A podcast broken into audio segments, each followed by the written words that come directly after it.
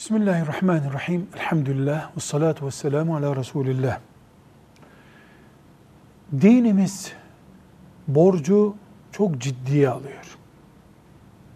Bu çok ciddi, fazla ciddi anlamına değil. Yani bizim baktığımızdan daha ciddi görüyor anlamınadır. Borcu geciktirmek haramdır. Ne gibi? Hırsızlık gibi cinayet gibi, sihir gibi, büyü gibi. Sadece Kur'an-ı Kerim borç ödeme günü geldiği halde ciddi bir şekilde ödeme imkanı olmayan birisine alacaklının müddet vermesini emretmektedir. Bu Müslümanlık ve insanlık gereğidir. Ama bu yatırımı devam ettiği halde, yeni ev alma imkanı bulduğu halde, yeni araba değiştirdiği halde hala borcunu ödeyemeyeceğini söyleyen için değil. Artık evine ekmek almakta zorluk çeken birisi zorluk yaşıyor denir. İnsanların gözü önünde keyif sürerken ödeme kıtlığı, ödeme zorluğu çekilmez. Her halükarda borcun geciktirilmesi haramlardan bir haramdır. Gününde ödenmelidir.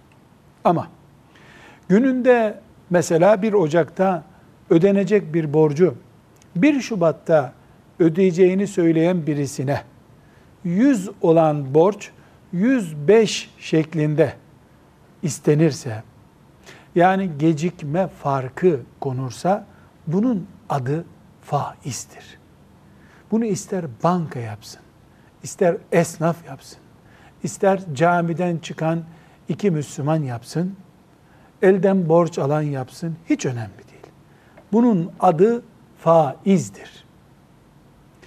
Bu gününde ödenemeyeceği için borcun üzerine fark koymaktır. Hiçbir şekilde alacaklı, madem ödeyemiyorsun şu kadar fark koy, bir ay sonra getir diyemez.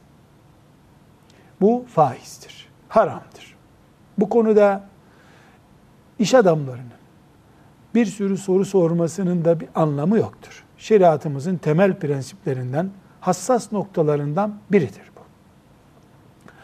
Ancak temerrüt dediğimiz bile bile borcu ödememek, daha sonra borcun mahkemeye intikal etmesi gibi nedenlerle ödenmeyen borç sonra yasal yollarla masraflar yapılarak tahsil edildiğinde bu masraflar borçludan tahsil edilebilir. Bu başka bir şeydir. 100 bin lira alacak, 1 Ocak'ta ödenecekti, 1 Mart'a ertelendi, bunun üzerine yüzde beş kondu, buna haram dedik. 1 Ocak'taki alacak, 1 Mart'ta tahsil edildi, mahkeme kanalıyla avukat masrafı oldu, kargo masrafı oldu vesaire. Bunların hepsi borçlunun üzerine yüklenebilir. Bunlar caizdir. Velhamdülillahi Rabbil Alemin.